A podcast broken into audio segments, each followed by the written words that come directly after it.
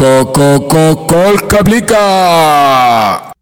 jõu õhtud, tore kolkablika. kuidas sul läheb? käes on neljas teine esmaspäev, kell on kaheksa õhtul, kaks korda neli. täna on teine september, ei ole september, detsember on. Minu nimi on Liina, kutsun endki kolkaplikaks ja olen siin täna selleks, et tuua sullegi natukene ehk tulu ehk taipamist. tänane põhiküsimus minu peas, minu peast sulle. kuidas möödus sinu püha pühapäev või kuidas mööduvad sinu pühad pühapäevad või kas pühapäev üldse on alati pühapäev? Kas ta on püha või kas on püha pühaliku päeva või kas saab pühalikku päeva olla ka näiteks siis, kui ei ole kalendris kirjas pühapäev? mida tähendab pühapäev, miks meil on pühapäev? see oli sihuke ühe sõnaga kokkuvõte praegu ehk ühe küsimuse asemel tuli mingi viis tükki neid onju. üks küsimus oli tegelikult, mis tegid eile? kokkuvõtlikult, mis tegid eile? mina ärkasin eile pohmellis pühapäev. eelmisel õhtul oli mu üks sõber, kes on ka mu kolleeg nüüd, kunagi oli isegi mu boss. ta oli, ta pidas laupäeva õhtul oma sünnipäeva, ta sai kolmkümmend ja uue kümnendi, uuele kümnendile tere ütlemiseks ta pidas sihukest loitslikku sünnipäevapidu. ehk tegemist oli kostüümipeoga, ta palus kõigil kohale ilmuda oma kuninglikus parimas. loitslikuks teeb siis selle peo või tegi selle peo see tema nii-öelda soov. kuidas sa seda seletad nüüd? see on nagu see idee, et sa pead oma sünnipäevapidu või noh, ma arvan, kõige loislikum sellisel laadil mingil määral on uusaastaöö on ju, sest siis nagu me kõik korraga loitsime järgmisi aastaid isegi ütleme lubadusi ja nii edasi, on ju, ja siis veel tähistame otsa, aga et noh, tema siis tegi praegu sünnipäevaks, mulle hullult meeldivad siuksed loitsmised, ma enda sünnipäevaga praegu siin plaanin loitsmisega. See on see idee selles, et kuidas sa veedad selle öö või missuguse olukorra sa endale lood, see nii-öelda mingil määral värvib see, neid tulevasi aegu. ehk kui tema sünnipäevapidu, me olime kõik kuninglikult riides, korter oli muutunud põõsaks, sest ta palus kingitusteks ainult taimi, et siis sellises niisuguses paradiislikus õukondlikus kultuurielus niimoodi siis tema veedaks oma kolmekümnendat, see on tema loitslik soov, oli. ja no põhimõtteliselt, mida sa teed siis selle loitsmise kaudu, on see, et sa tekitad endas selle hea tunde, mida sa tahaksid tunda kuskil tulevikus. ja noh, hea tunne kasvatab head tunnet, põhimõtteliselt ma arvan, et see on nagu see nii-öelda teadus seal taga. aga see oli laupäev, meie tegelikult ju rääkisime pühapäevast noh, mina ärkasin siis pohmellis, aga üldiselt tegelikult minu eilne pühapäev, esimene detsember meenutas mulle rohkem argipäeva. ja mitte sellepärast, et ma pohmellis ärkasin. kuigi seda ka vahel juhtub, aga ma pidin nimelt minema oma pohmellis esimese asjana tööle. Üks minu leiva teenimisviisidest, mul on neid mitu, on väga pikka aega olnud koristamine. mulle väga meeldib see töö see on niisugune perfektne side hustle minu jaoks, olen ma välja nuputanud. sest esiteks mulle lihtsalt tõesti väga meeldib koristada, mulle meeldib see tunne, mis must tekib, kui ma olen asjad korda sea-, seadnud, sättinud, ära sorteerinud, organiseerinud, kõik see on lihtsalt nagu või minu ajule. ja teiseks ma olen aru saanud ka, et selle töö puhul ei pea ma eriti nagu suht palju inimestega suhtlema, mis ala mingi kohviku tööde puhul oleks ju põhiteema ja nagu mingi kohvikutöö, nii palju võõraid inimesi ühe päeva jooksul kõnetada minu jaoks nagu mul juba praegu tekib sihuke ärevus peale igatahes siis eile hommikul, pühapäeva hommikul, esimese detsembri hommikul mina pidingi minema koristama. ja nagu ma ütlesin, mu sõps, kes sai kolmkümmend, oli kunagi mu boss, siis minu eilne koristamiskiig oligi tema peo tagajärgede likvideerimine. mu ülesanne oli teha sellest korterist, kust see ro-, Royal pidu oli üle käinud, uuesti kellegi värsket õhku täis kodu. seda loitsupidu ma siis koristasin mingi kolm tundi ja siis ähm, võiks ju loota, et hakkas pühapäev, aga argipäev läks edasi. ma olin nimelt oma parimale sõpsile lubanud, et äh, aitan tal töödelda tema pilte näituseks, mis ta avab kolma, kolmapäeval. ta on fotograaf teeb väga häid pilte, näitusel ta näitab niisuguseid snapshot'e, mis ta on teinud oma analoogkaameraga. seeria nimi on äh, avalikustatud ja minu arust ta teeb seal mingit väga naljakat äh, mängu fot-, just nimelt foto enda teemal. mul läheb äh, jutt peas lahti nii Instagrami kasutamisest, oma piltide jagamisest kui ka paralleelidest siis analoogfotodega, kus nagu ilmutamine või avalikustamine toimuski palju hiljem, kus ka tegelikult foto oli väga palju privaatsem äh, asi. võrreldes siis nagu tänapäevaga, kus Instagrami kogu idee oligi ju see, et sa nagu instantly, koheselt jagad ükskõik mida, mis su silme ette jäävad ja tema pildid ongi niisugused väga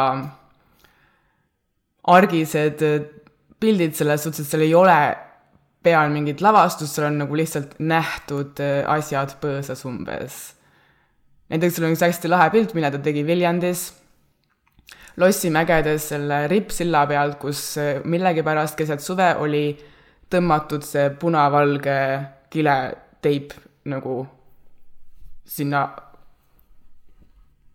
orgu, kuidas sa nimetad seda, sinnasse auku, millest sild üle sõidab, on ju me küll kahtlustasime seal natukene, et äkki oli tegemist mingisuguse orienteerumismänguga, umbes rada ette näidata, kust jooksma peab, kuigi orienteerumise puhul sa pead ju ise leidma mingi koha, ma ei tea, äkki see oli, no me, kogu nagu nali selle pildi puhul ongi see, et sa ei saa aru, miks on sinna kohta vaja piirdejoont äh, niimoodi üles seada. ja pildi peal ei ole seal nagu aru saada, et see on Viljandist, nüüd te kõik, nüüd sa, nüüd sa tead ähm, aga ongi sihuke üleni rohelisus, mõlemad pooled on sarnased, aga millegipärast on piir läbi. ja noh, üks asi on muidugi see kogu idee sellest, kuidas tema on midagi märganud ja meie võib-olla ei pane tähele, aga mina ka tegelikult ju tegin oma mobiilifoto sellest kentsakast olukorrast Viljandi lossimägedes. aga mina näen oma mobiilifotot umbes ainult siis, kui mul tekib tuju vaadata tagasi kuskile digiarhiivi, mida ma tol ajal tegin, oma pilte läbi lapata. ma arvangi, see avalikustamine või nagu pildi sümboolse väärtuse kui meeldetuletuse elu napakusest näiteks või kentsakusest või naljakusest, mida iganes, see tuleb äh, välja sellega, et foto on saanud jälle nii-öelda füüsiliseks fotoks praegu, kui mina prindin mingeid pilte välja, siis on alati mingisugused võidumomendid a la keegi on lõpetanud kooli või siis ma näen lihtsalt ilus välja pildi peal või alati on nagu mingi meeldetuletus mingile sündmusele, mingile eluloolisele sündmusele, näiteks sa käisid äh, Pariisis, kõik turistipildid, mulle meeldivad turistipildid, kõik laseme välja teha või siis äh, vanaema sai seitsekümmend käisid sõbra pulmas, alati on nagu mingid eluloolised punktid, need pildid, mis me minu arust praegu üldiselt igapäevaselt välja laseme printida või ma ei tea, isegi raamatuteks köita või siis ma ei tea, tasside peale printida, on ju. mis on jumala oki minu arust, sest need on ka olulised sündmused ja oluline on ka enda äh, tähtpäevi tähistada. aga noh, minu sõps, tema pildid on nii-öelda need kiired vaated klõpsitud Instagrami pildid algses Instagrami versioonis, nüüd on seal ka kõik üles tuunitud ja võidupilte täis. aga need momendid, mida me nüüd, igaüks meist kogu aeg korjab sellega, et meil on kogu aeg kaamerad või kaameralaadne toode äh, kotis. sa näed mingit naljakat, äh, ma ei tea, tänavavalgustit, teed sellest pilti, oo, täna on lehed nii äh, kollased, teeme sellest pilti ja noh, nii edasi, niisugused väiksed momendid, kus otseselt ei ole peal mingisugust kindlat emotsionaalset sündmust või äh, tunnet, aga mis kuidagi kõditab äh, mingit osa kuskil sinu meeles, on ju.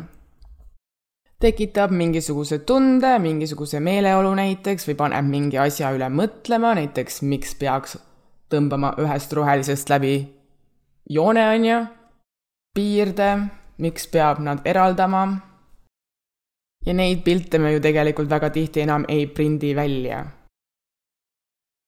ei prindi välja, et need oleksid meil silme ees, me saaksime nende üle nagu pikemalt mõelda, põhjalikumalt, aeglasemalt mõelda.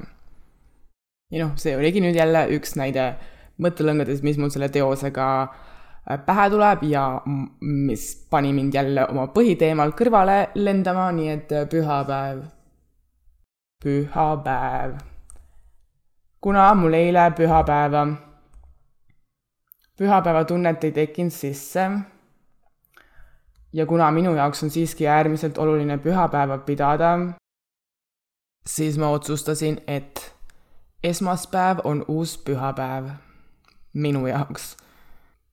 täna. eelmisel nädalal ta oli ikkagi vist päriselt ka pühapäev aga minu jaoks siis äh, pühapäevad kui päevad, mis on pühad, mida ma kui pühasid traditsiooniliselt või õigemini siis korduvalt, sest pühad ju alati korduvad, meil on iga aasta jõulud, iga aasta jaanipäev. Ehk minu pühapäevad võivad, minu sümboolsed pühapäevad ehk minu korduvad traditsioone täis päevad võivad liikuda, aga üldiselt ma ikkagi üritan hoida neid nagu enam-vähem samas rütmis, nagu käib ülejäänud maailm või see maailm vähemalt, kus mina elan siin praegu. ja hoidagi siis neid pühapäevadel, sest noh, mingi rütm on ka tegelikult ju tore, siis sa tead, et see nagu varsti tuleb, kui hakkab jälle ülekeemine pihta või midagi sihukest, on ju. aga noh, pole hullu ka vahel, kui äh, tuleb seda natuke nihutada. sest noh, tegelikult ju ei ole meil kõigil luksust pühapäeviti kodus olla, enamik poed, poode, poede, poode on lahti see tähendab, et keegi on kuskil tööl ja töö tavaliselt tähendab ju argipäeva, ehk nendel inimestel tuleb ka kuskil mujal leida aeg väikseks vaimu värskenduseks, vaimu tursendamiseks, mis sõna see on? turgutamiseks ja no me mõlemad ju ka teame, et poemüüjad pole ka ilmselt ainsad, kes pühapäeviti, kalendripühapäeviti siis äh, tööl peavad olema. nii et minu jaoks pühapäev, pühapäev, pühapäev on niisugune päev, kus ma olen iseenda boss. ma vahel kutsun seda ka tühjaks päevaks, puhkepäevaks aga jah, põhiline on see, et ma olen iseenda kõige parem boss. kuigi bossi näide selle sõnana natukene nagu kohatu siin, sest ma üritan üles ehitada ideed, kuidas töö on argipäev ja pühapäev on ilma tööta, aga saad aru küll, mis ma mõtlen, on ju ma mõtlen seda, et ma olen mingis mõttes väga isekas oma pühapäevategevustes, ma teen ainult neid asju, mis mulle endale kuidagi head toovad, olen nii-öelda siis alluv ja boss üheaegselt, ühe mehe firma, FIE. ja eks nad on tegelikult ilmselt natukene sarnased ka siis selle piiblist tulnud ideega seitsmest päevast, kus seitsmendal päeval puhatakse, kuigi noh, piibel õpetab, et sellel päeval peab minema välja endale meelde tuletama, miks sa ikkagi Jumalat usud, on ju. või noh, õigemini tuletada endale meelde, miks see sulle kasulik on usa-, Jumalat uskuda. sest noh, usk käib läbi meeldetuletustega, aga mina sellesse kiriku jumalasse ei usu, nii et kirikusse mul ei ole otsest vajadust minna. aga ma siin pean oma äh, väikest pühapäeva sarnasel viisil, mul on tegelikult mingisugused traditsioonid, mida ma nendel päevadel teha tahan, ma ei pea kuhugi mujale minema, ma ei pea kellegi teisega suhtlema, aga nagu mingi niisuguse vaimse koristamisega, meeldetuletusega, õlitamisega mulle pühapäeviti meeldib tegeleda. ja ma kohe jõuan selleni, mis on minu tegevused, ma tutvustan neid sulle, ära muretse, ma ei jäta neid oma teada, aga enne ma tahaksin öelda, et mul on vajalik pühapäeva pidada, sellepärast et muidu, kui ma ei tegeleks selle enda sasipuntras pea koristamisega, siis ma oleksin väljaspool oma pühapäeva tõesti isekas selles halvas mõttes, sassis endaga. ja siis väga plahvatusohtlik. ehk iroonilisel kombel oma isekust, mis ma arvan, et meil on kõigil natukene kuidagi sisse õpetatud või antud või ma ei tea, kuidas, miks. Või millal, aga oma isekust ma ravin teise annuse parema isekusega. Väga ilus. Nii et mis ma siis täna tegin, mis on minu loitslikud usutraditsioonid, mis hoiavad üleval mu usku inimeste ilusse ja headusesse iseenda ilusse ja hea, heatahtlikkusse, mis hoiavad mind rahulikuna. noh, iga religiooniga on ju see idee, et see on põhimõtteliselt nagu eluõpetus, kuidas saada hakkama mingisugustes olukordades, kuidas hoida toredat äh, meelt, kuidas hoida, ma ei tea, kaastunnet ja toredustunnet teise inimese suhtes ja nii edasi, on ju. nagu minu arust vähemalt on kõigi uskude sisu see, et äh, jah, kuidas saada eluga hakkama põhimõtteliselt, on ju. nii et äh, minu pühapäev, minu pühapäevad on väga tavalised aga mul on, mul on kolm asja, üldist asja, mida mulle alati meeldib pühapäeviti teha. esimeseks üllatus, üllatus. Mulle meeldib pühapäeviti koristada. Mulle meeldib tõmmata tolmu, mulle meeldib põrandaid pühkida ja pesta, mulle meeldib vahel isegi aknaid kraapida, peegleid puhastada tolmust, pesu pesta, ma arvan, et pesu pesemine läheb ka nagu koristamise alla, sest koristad seda lähiümbrust enda ümber, mis on su riided, on ju teise asjana mulle meeldib kokata. mulle meeldib teha süüa nagu algusest peale, ise meisterdada, viimasel ajal mulle isegi meeldib ise retsepte välja mõelda. väga sihuke rahustav tegevus. rahustav tegevus siis, kui sa äh, nagu ei põe selle pärast, mis välja tuleb, on ju ja noh, mitte põdemine selles olukorras ka teeb iga korraga su toidu järjest paremaks ja kolmanda asjana mulle meeldib kasta oma taimi. oma väikseid lapsekesi siin, oma roherõõme minu eluruumis. ja ma teen neid tegevusi pühapäeviti inglise keeles, nad kasutavad viimasel ajal kogu aeg seda sõna religiously. Eesti keeles oleks tõlgitud siis usklikult, aga noh, meil ei ole tegelikult niisugust kasutust või släng-versiooni minu arust sellele sõnale taha pandud.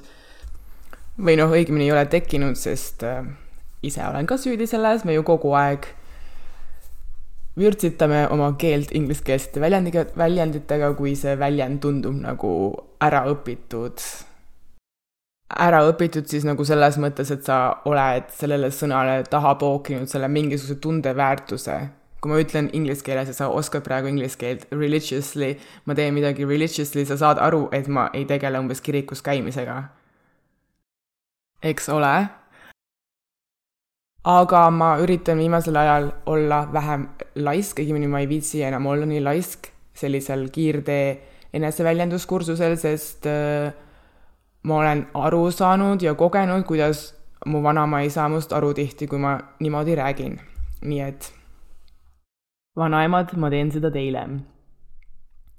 pluss vanaemadega on tegelikult väga lahe ka rääkida, sellepärast et nemad räägivad väga värvikat eesti keelt, kus, kui põhjalikult ja pühendunult, usklikult kuulata, siis äh, õpib väga palju vägevaid uusi sõnu, näiteks mina õppisin hiljuti, taas õppisin sõnale tubli sünonüümi tragi. tragi.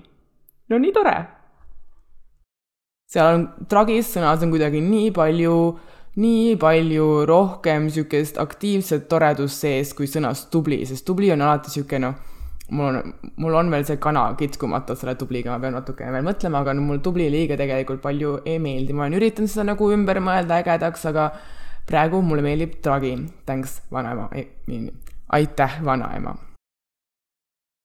aga jah, siis äh, religiously teen, ma arvan, et see oleks eesti keeles äh, täie pühendumusega. ma teen oma lemmiktegevusi pühapäeviti, mis on koristamine, toidu tegemine ja lillede kastmine. ma teen neid pühapäeva toimetusi täie pühendumusega. muideks ma arvan, et vanaema kuskil praegu koputas mulale, sest see vanaema jutt lihtsalt hakkas välja tulema mu suust ja mul tuli meelde, et viimasel ajal ma tegelikult olen üritanud kinni pidada ka sellest uuest osast oma pühapäevades ehk helistada vanaemale, mis täna on veel tegemata, nii et äh, vanaema, sa saad varsti kõne. ja minu jaoks on need tegevused täiesti piisavad pühapäeva pühitsemiseks, sest äh, kui ma teen neid täie pühendumusega, siis ma olen veendunud, et see fakt, et ma tegelen iseenda ümbruse korrastamisega, ise võtan vastutuse oma keskkonna eest, et ma ei ela mingi tolmurullide keskel, et mu lilled on kastetud, et ma ise olen vähemalt ka korra nädalas nagu korraliku toiduga toidetud.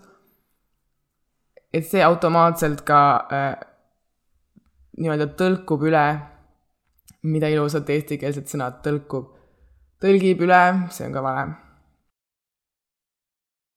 see nagu š... toimub ka aju sees toimub nii-öelda paralleelselt ja no tegelikult ju, kui sa tegeled koristamisega ja sa, see võtab aega ja sa käid nagu nurgast nurka ja pühid tolmu, siis sul on ka nii palju aega, et ma ei tea, lihtsalt elu üle mõtelda, mõtiskleda, mingeid asju endaga läbi arutada ja seda mitte nagu niisuguses äh, stressiolukorras, sellepärast et sul on tegelikult tegevus käes, kuhu siis nagu see stressienergia suundub, pluss selle stressienergia sa, vähemalt mul on alati tunne. mul on vahel tunne, et ma olen nagu ainus inimene, kellele meeldib maailmas koristada, aga äh, mulle nagu tundub, et see stressienergia siis nagu läheb sinna, see nagu närviline stressienergia läheb sinna näpuliigutustesse, mis seda tolmu seal kuskil tõmbavad, on ju, ja siis äh, muundub nagu mingiks niisuguseks äh, toredamaks energiaks.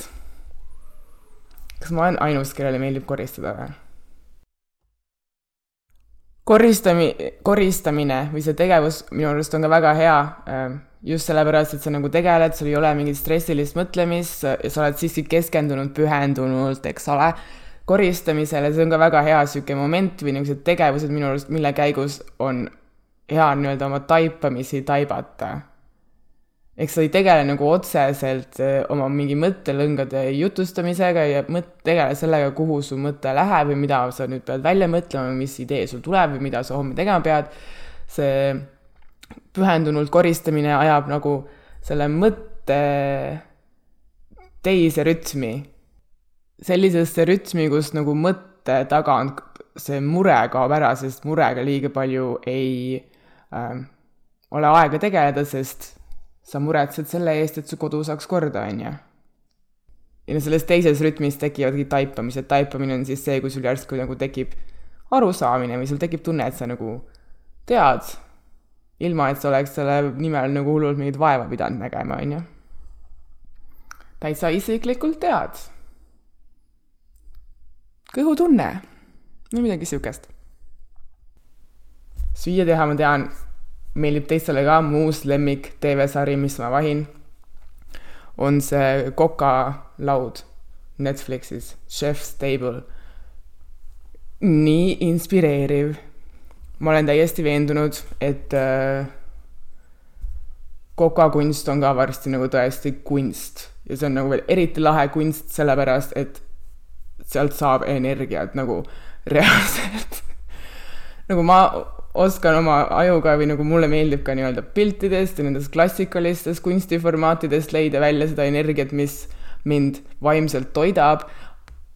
aga nagu kokakunst, nagu mida need inimesed, mõned seal, mõne, mõni on mingi total macho ja mulle tegelikult ei meeldi, aga mida mõned inimesed seal sarjas teevad oma restoranides ongi noh, nagu täielik kunst, sa saad visuaalse ähm, mõtteallika energialaksu, sa saad äh, kontekstist tuleva nii-öelda inspiratsiooni või mõtte,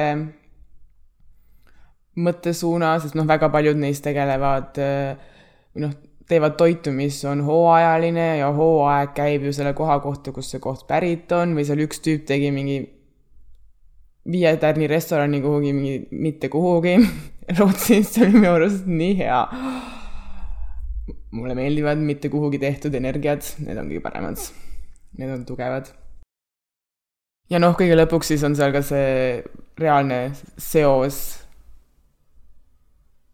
looja ja looja poolt tarbi- ta,, nagu tarbi-, tarb-, jah, looja ja tarbija vahel põhimõtteliselt või tarbija kõlab nii halvasti, aga tarbida saab ka toredalt.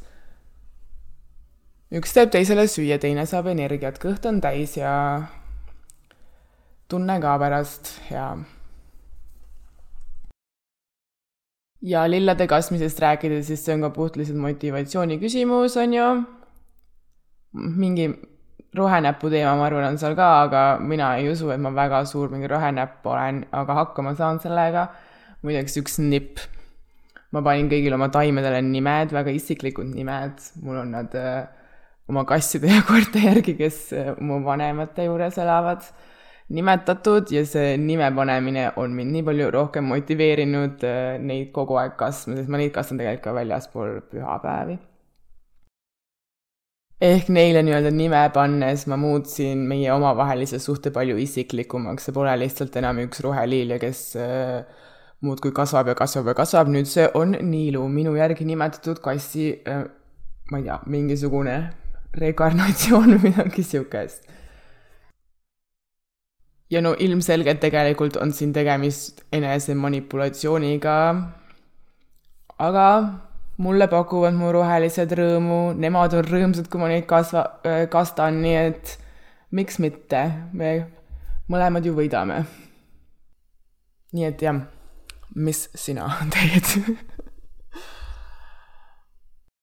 Ei, aga ma olen tegelikult ka huvitunud või mind huvitab, kui tähtis on pühapäev või mingi sarnase päeva, puhkepäeva,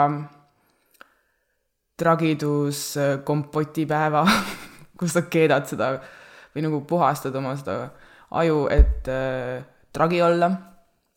kui oluline on mingi sihuke päev aeg-ajalt sulle või mis sa siis ka teed nende päevadega? mind huvitab see sellepärast, et minu jaoks on tegelikult suht nagu uus nähtus, ma väga pikalt äh, üritasin ka ikka elada selle ideega, et isegi palavikus teen tööd, on ju, sest nii on tubli inimene. või siis tragi inimene.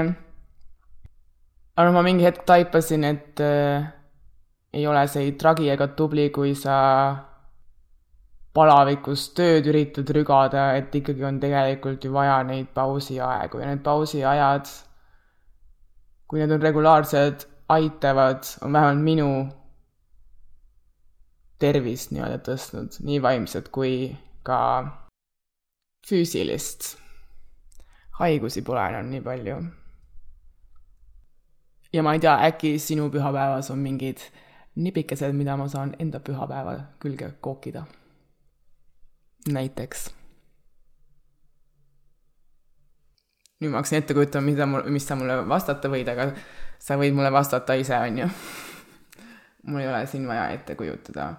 Aga ma muideks tahtsin veel kõige lõpetuseks öelda, mul jälle siin saab pool tundi kohe täis, et äh, mõnda aega tagasi ma küsisin sult, kes on su lemmik selgeltnägijates ja üle-eelmine nädal nüüd selgeltnägijad said läbi. õigemini tuleproovist tuli võitja välja ja ma ei olegi suutnud terve hooaja jooksul otsustada, kes oli minu lemmik ja ma tegelikult ei tea üldse praegu enam, kas on vajalik lemmikuid alati leida või seda ühte lemmikut.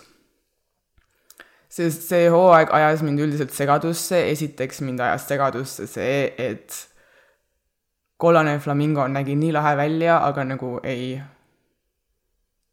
toonud eriti sisu, on ju edasi mind ajas segadusse see või mind üldiselt ajab segadusse, ajavad segadusse võistlused, kus üks on nii selgelt üle teiste, mis see on, Shori siis oli, aga ta ka lõpuks võlus mind ära, kui ta lubas mul unistused kõik ära täita, on ju. nii lihtne see ongi ei, tegelikult mul oli tunne, et ta oli tol hetkel tõesti lihtsalt nii siiras.